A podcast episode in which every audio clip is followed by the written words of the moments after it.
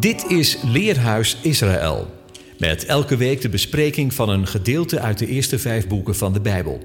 De presentator van deze week is Arnold Visser.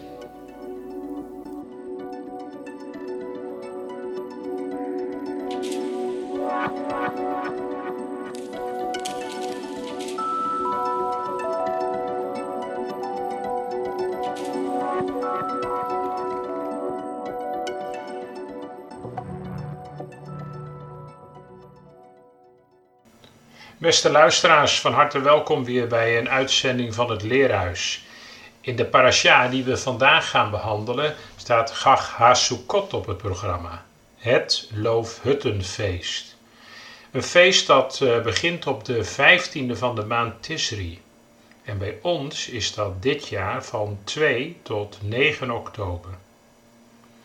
In Leviticus 23, het 34ste vers staat Zeg tegen de kinderen van Israël: Op de vijftiende dag van de zevende maand begint ter ere van de Eeuwige het feest van Sukkot, dat zeven dagen duurt.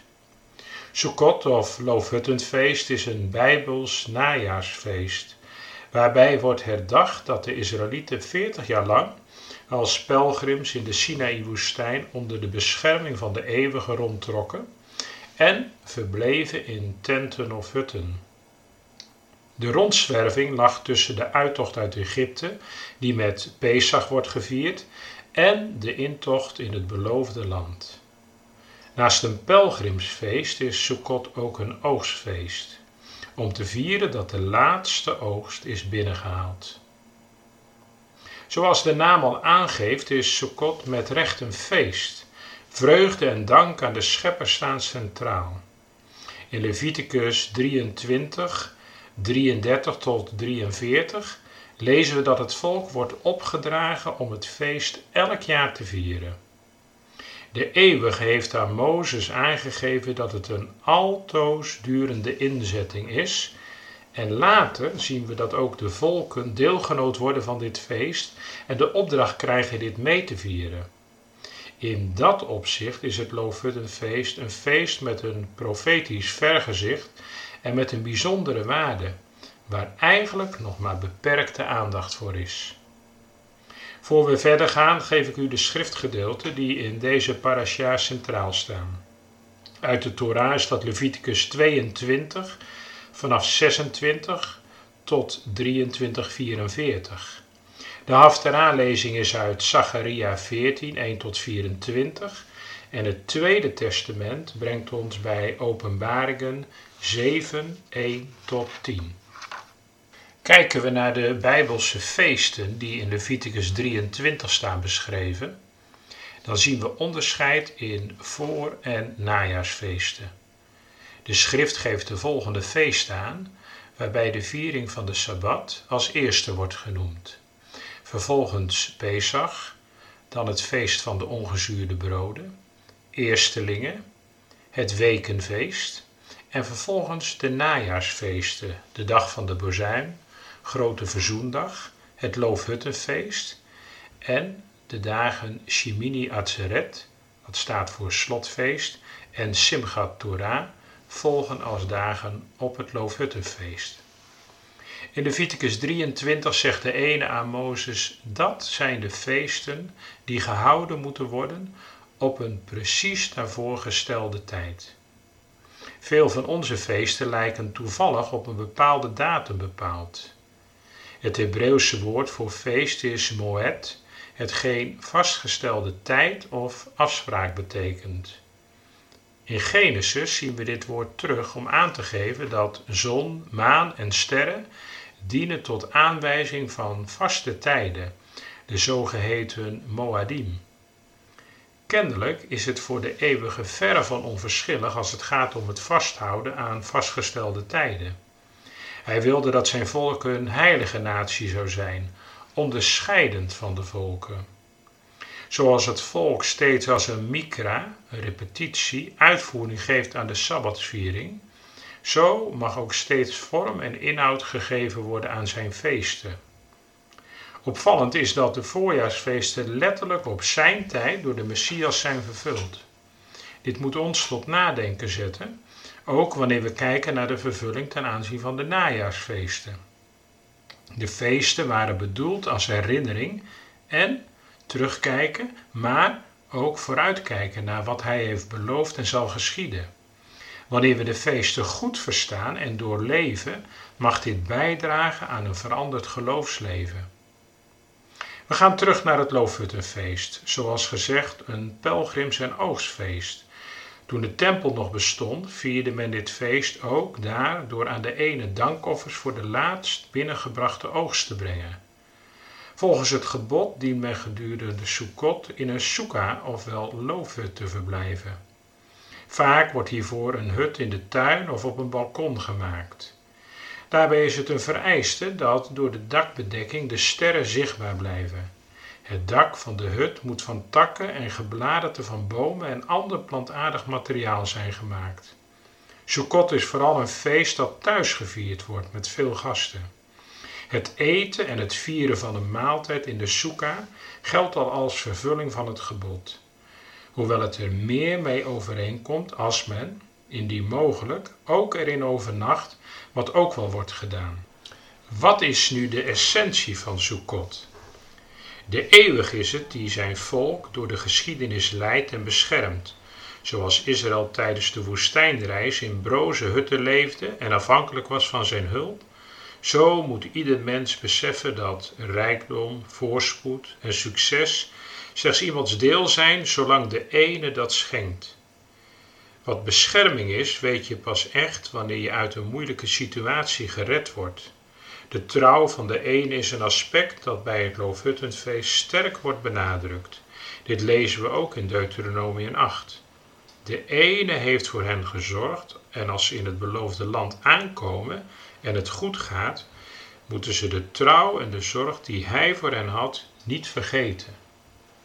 Het Loofhuttenfeest herinnert ons aan zijn bescherming en nabijheid in het leven van onderweg vergelijkbaar met hoe Israël onderweg was vanuit Egypte naar het beloofde land. Op heel die reis, tot het einde toe, is het de eeuwige die bescherming bood.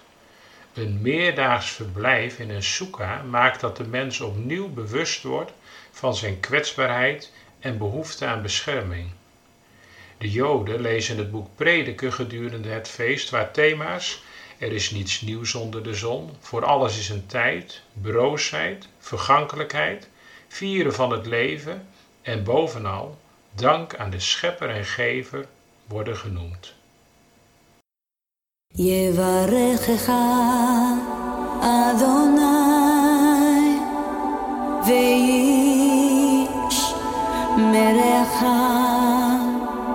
יאה אדוני.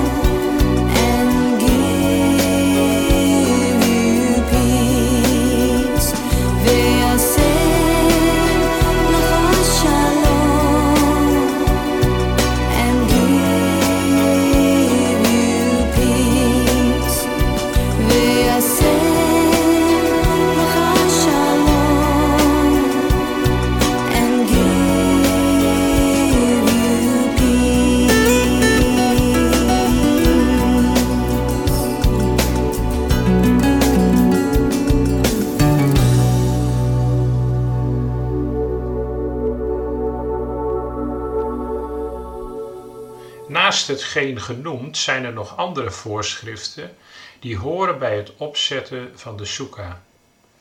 De loofhut wordt versierd met vruchten en groenten.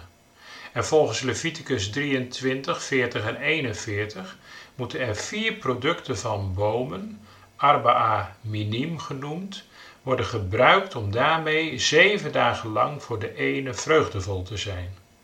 De vier producten zijn een zeer lange palmtak, de lulaf, drie myrtetakken, de hadassim, twee beekwilgtakjes, de aravot, en een grote geurige citrusvrucht, een etrog.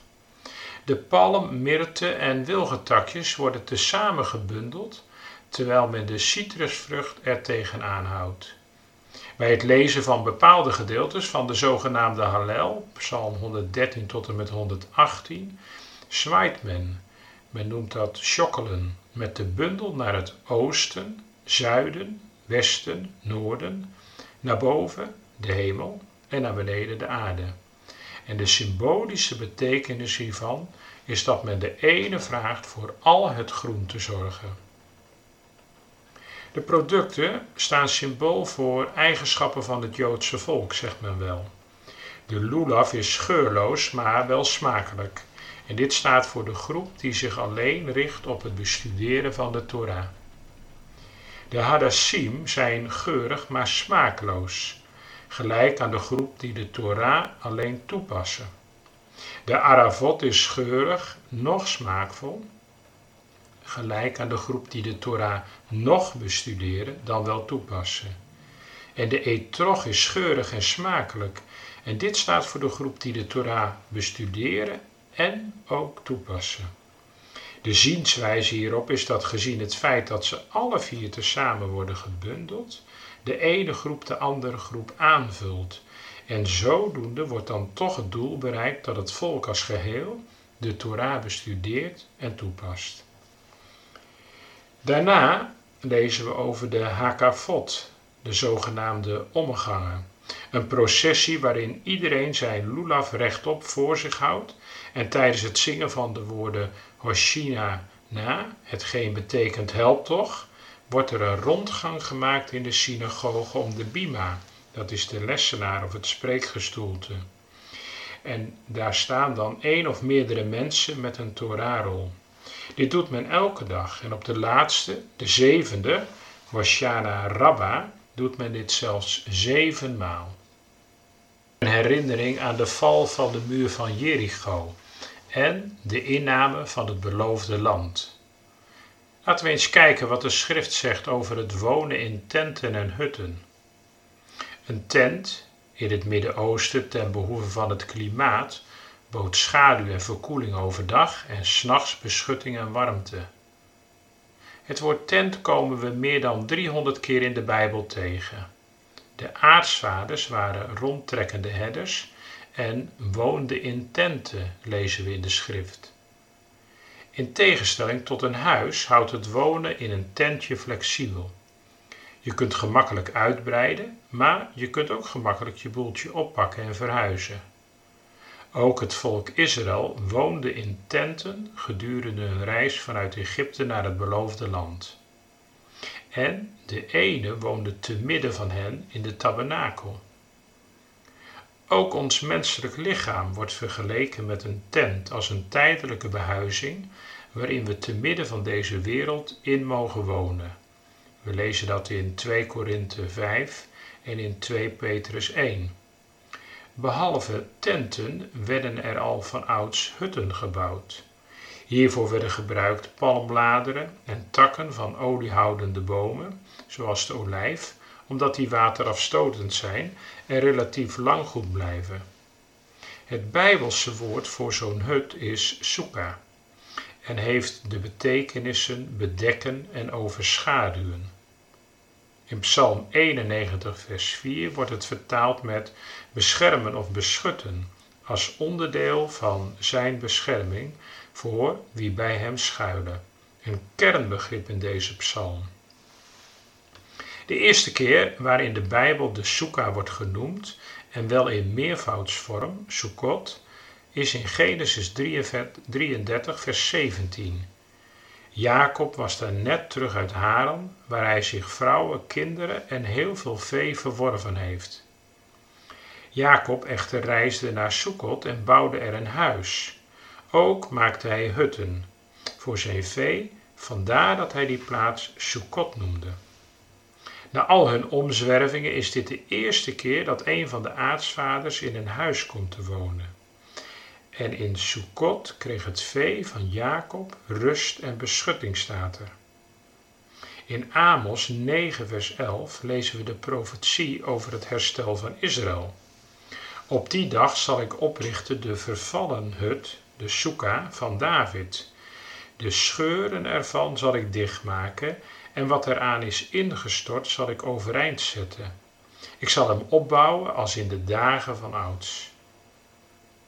In Psalm 27, 5 en 6 komen we hut en tent tezamen tegen. Want hij bergt mij in zijn hut ten dagen van het kwaad. Hij verbergt mij in het verborgene van zijn tent. Hij verhoogt mij op een rotsteen. En nu heft mijn hoofd zich op boven mijn vijanden rondom mij. En ik zal in zijn tent juichend offers brengen. Ik zal zingen en muziek maken voor de ene. In Lucas 16, het negende vers, verwijst Yeshua naar ons toekomstige leven in de eeuwigheid als naar eeuwige tenten. Het daar gebruikte Griekse woord is synoniem met sukkah. In de Septuagint wordt uh, het ook gebruikt met de vertaling ohel. En dan combineert het beide betekenissen, namelijk die van beschutting en die van saamhorigheid, gemeenschap. Dit woord zien we ook in Openbaringen 21, vers 3, waar we lezen: En ik hoorde een luide stem van de troon zeggen: Zie, de tent van God is bij de mensen en hij zal bij hen wonen. En zij zullen zijn volken zijn en hij zelf zal bij hen zijn. En ook in Openbaringen 7, vers 15, waar staat dat hij zijn tent over hen zal uitspreiden en dus bij hen zal wonen. De loofhut wordt als symbool beschouwd van het vergankelijke. Onze aardse tent, ons lichaam, is net zo broos als de soeka. Eens zullen we onze aardse soeka verlaten en verruilen voor een onvergankelijke. Dit beeld van de soeka mag ons eraan herinneren aan het moment dat we intrekken bij de Heer.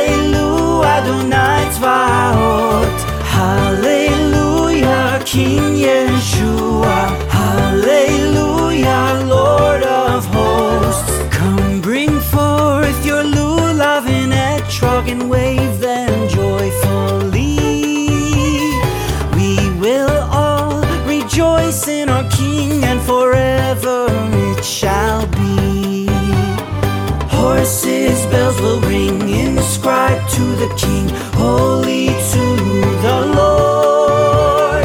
Everyone will sing, joy and dancing, worshiping the King. Hallelujah, Melech Yeshua. Hallelujah, Adonai Tzvaot. Hallelujah, King Yeshua. Hallelujah.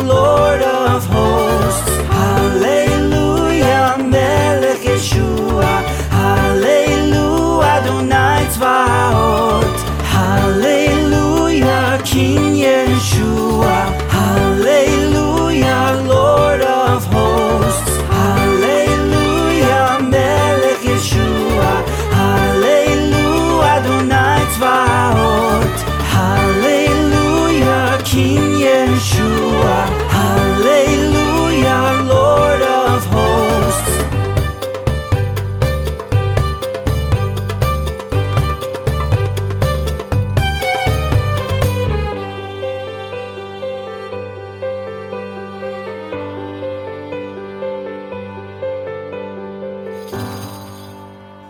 Een andere naam voor het feest van Sukkot is het feest van de naties.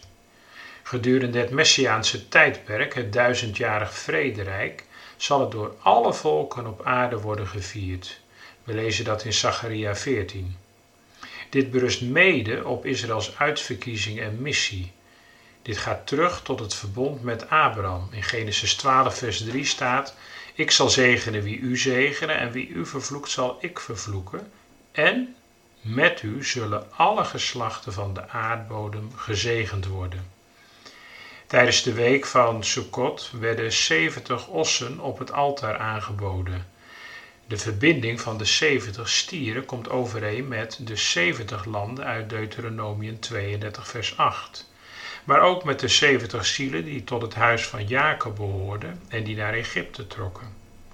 De verbinding met de naties van de wereld komen we ook tegen in Zacharia 14. Toen Jacob en zijn familie naar Egypte gingen, waren er in totaal 70 die vertrokken en was het daar dat ze een natie werden. De naties van de wereld worden in 1 Koningen 8, 41 tot 43 met Sukkot in verband gebracht toen Salomo de tempel inwijde tijdens het Loofhuttenfeest. Om deze reden wordt het feest ook wel het feest van de naties genoemd. 70 is het getal voor de volken.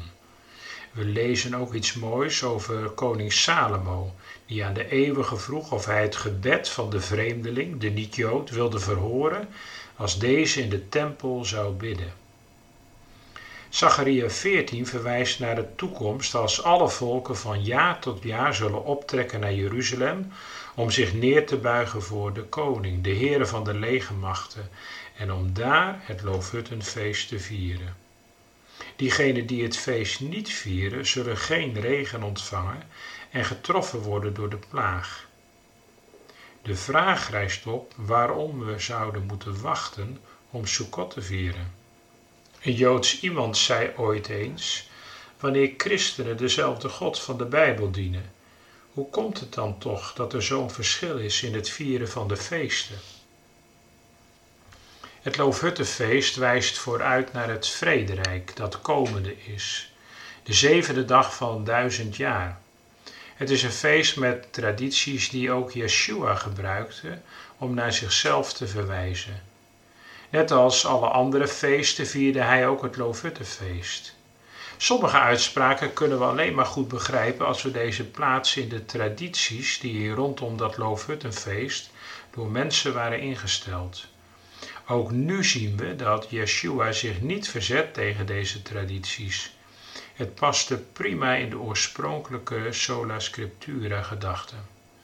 Veel tradities versterken immers de bijbelse betekenis van de feesten. Een van de tradities rondom het Loofhuttenfeest was de waterceremonie, die elke morgen vroeg werd uitgevoerd in een soort processie. Een gouden kruikvaas werd gevuld met water uit de bron van Siloam en in optocht door de waterpoort naar de tempel gebracht, om daar bij het altaar te worden uitgegoten met het wijnoffer. Een optocht die juichend, zingend en dansend werd gedaan, begeleid door een koor en muziekinstrumenten. In de Mishnah staat beschreven dat als iemand nog nooit de blijdschap had gezien rondom deze waterceremonie, dan had hij nog nooit blijdschap in zijn leven gezien. De ceremonie was zo vol met blijdschap omdat het symbolisch gedaan werd als vervulling van een profetisch Bijbelvers. Dan zult gij met vreugde water scheppen uit de bronnen des heils. In de schrift lezen we dat Jezus aanwezig was bij het Loofhuttenfeest en dat was ook het voorschrift. Want het was één van de drie feesten waarop alle mannen naar de tempel in Jeruzalem moesten komen. De zevende, de laatste dag van het Loofhuttenfeest, is ook de grootste dag van het feest, Hashanah Rabba. Nadat de priesters de steile klim van de bron van Siloam naar de tempel hebben geleid en het water uitgieten, roept Jezus: Indien iemand dorst heeft, hij komen tot mij en drinken. Wie in mij gelooft, gelijk de schrift zegt, stromen van levend water zullen uit zijn binnenste vloeien. Deze woorden sprak hij precies bij de ceremonie waarbij de Israëlieten herdachten dat de een in de woestijn hen voorzag van levendgevend water, toen het volk in de wildernis dreigde om te komen van dorst. En hij zei dat het wonder van de watergevende rots naar hem verwees. Paulus geeft hier later de bevestiging van wanneer hij zegt dat Christus de meereizende geestelijke rots was in de woestijn. We zien dit vaker terug bij Paulus. Wanneer deze brieven wil verduidelijken, maakt hij regelmatig gebruik van verhalen uit de Torah. Als rabbijn en discipel van Rabbi Gamaliel had hij geleerd dat veel gebeurtenissen niet alleen historisch, maar dikwijls ook een schaduw van toekomstige gebeurtenissen zijn. We zien bijvoorbeeld in 1 Korinthe 10 dat de doortocht door de zee en het leven onder de wolk vergeleken worden met de doop in water en geest. Het manna met geestelijk voedsel en het water uit de rots met de geestelijke drank. In 1 Korinthe 10 vers 4 schrijft Paulus dat de Israëlieten in de woestijn uit een rots dronken die met hem meereisde. Paulus refereert hierbij aan een Joodse mondelinge overlevering die vertelt dat de rots die door Mozes was geslagen met Israël meerolde door de woestijn om het volk van drinken te voorzien. In twee situaties heeft Mozes op een rots geslagen. De eerste maal in Exodus 17 bij de Horeb, in het gebied van Refidim, hetgeen rustplaats betekent. Ook de plaats waar later Amalek door Israël werd verslagen. Later sloeg Mozes opnieuw op de rots in nummer 20. Dit was in Kadesh, wat heilig betekent. Dit was in de eerste maand, de maand waarin Pesach valt. Bij Kadesh zong het gehele volk het lied Spring op, o waterbron. We lezen dat in nummer 21, vers 17. In dit geval had Mozes echter tot de rots moeten spreken. In plaats daarvan sloeg hij zelfs tweemaal op de rots. Wanneer Paulus uitlegt dat die meereizende rots Christus was, wordt meteen duidelijk waarom de rots niet vaker mocht worden geslagen, aangezien de rots een type is van de Messias. In het Hebreeuws betekent slaan eveneens oordelen, net zoals dat water in verband wordt gebracht met de Heilige Geest. We lezen dan ook, dan zult gij met vreugde water scheppen uit de bronnen des heils in Jesaja 12 vers 3. Deze woorden werden op de laatste dag van het Loofhuttenfeest gezongen door de priesters, die schalen water uit het badwater van Siloam naar de tempel brachten. Dat water werd uitgegoten bij het altaar als een gebed om regen en om de Heilige Geest. Precies op dat moment wees de Heer Jezus naar zichzelf en zei: Wie in mij gelooft, gelijk de schrift zegt, stromen van levend water zullen uit zijn binnenste vloeien. Hij is onze rots en de bron die door de Heilige Geest dat levende water uit ons binnenste wil laten vloeien. Het levende water moet van de rots komen. Dat passen we toe wanneer we dagelijks water uit de rots drinken door te bidden in geest en waarheid. En het dagelijks manna, het brood, middels het lezen van zijn woord nuttigen. En door in geloof op te trekken wat ons door hem wordt opgedragen. Wanneer levend water stroomt, wordt zijn zegen in ons leven zichtbaar en mogen we tot zegen zijn. De rots des heils in ons reist met ons mee. Hij brengt de allerdroogste woestijn, of je zou kunnen zeggen periode in ons leven tot bloei. Geen corona, lockdown of wat dan ook kan ons hiervan scheiden. Die prijs daarvoor is 2000 jaar geleden betaald door de rots van ons behoud. Op Sukkot volgen de dagen Shemini Atzeret, slotfeest van Simchat Torah, vreugde de wet. Feest waarop gevierd wordt dat het volk de Torah, de onderwijzing, bezit en het op deze dag na een jaar weer heeft uitgelezen. Simcha betekent vreugde, oftewel vreugde van de wet. Men viert uitbundig het einde van de Torah-lezing en start op deze dag weer opnieuw een jaarcyclus met het begin van de Torah in Genesis. Daarmee is de jaarlijkse lezing van de Torah een cyclus en heeft de Torah zelf dus als het ware geen einde. In veel synagogen wordt op Simchat Torah gezongen en gedanst en de Torah blij rondgedragen tijdens de rondgangen. Dit proces bevestigt dat de Torah zeer serieus genomen wordt en de mens niet aan banden legt, maar mede bevrijdt. Ze is geen last of juk, maar schept vreugde, in tegenstelling tot wat vele onwetenden denken. Diegene die het laatste stukje van de Torah voorleest, wordt de Gatan Torah genoemd, vertaald de bruidegom van de Torah. En diegene die de eerste verse uit Genesis leest, heet de Gatan Bereshit, de bruidegom van Genesis. Yeshua is de bevrijder en het levende, vleesgeworden woord die wij verwachten als de bruidegom. Ik wens u allen een gezegend en vreugdevol Loofhuttenfeest. En bedenk, ooit, ooit vieren we het samen in Jeruzalem. Shalom.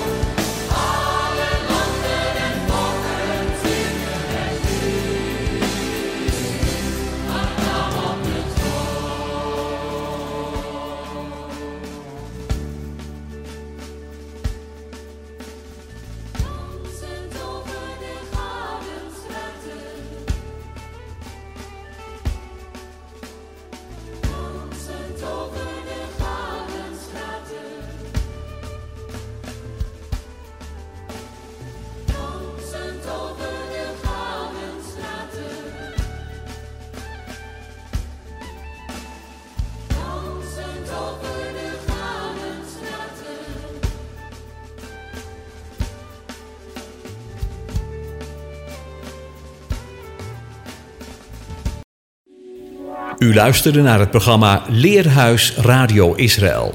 Een wekelijkse studie aan de hand van de Bijbelgedeelten die wekelijks door de Joodse gemeenschap worden gelezen. Heeft u een vraag of opmerking? Stuur dan een e-mail naar info-apenstaatje radioisrael.nl. Het leesrooster vindt u op onze website. Ga naar radioisrael.nl en klik onder het kopje radio op programma's.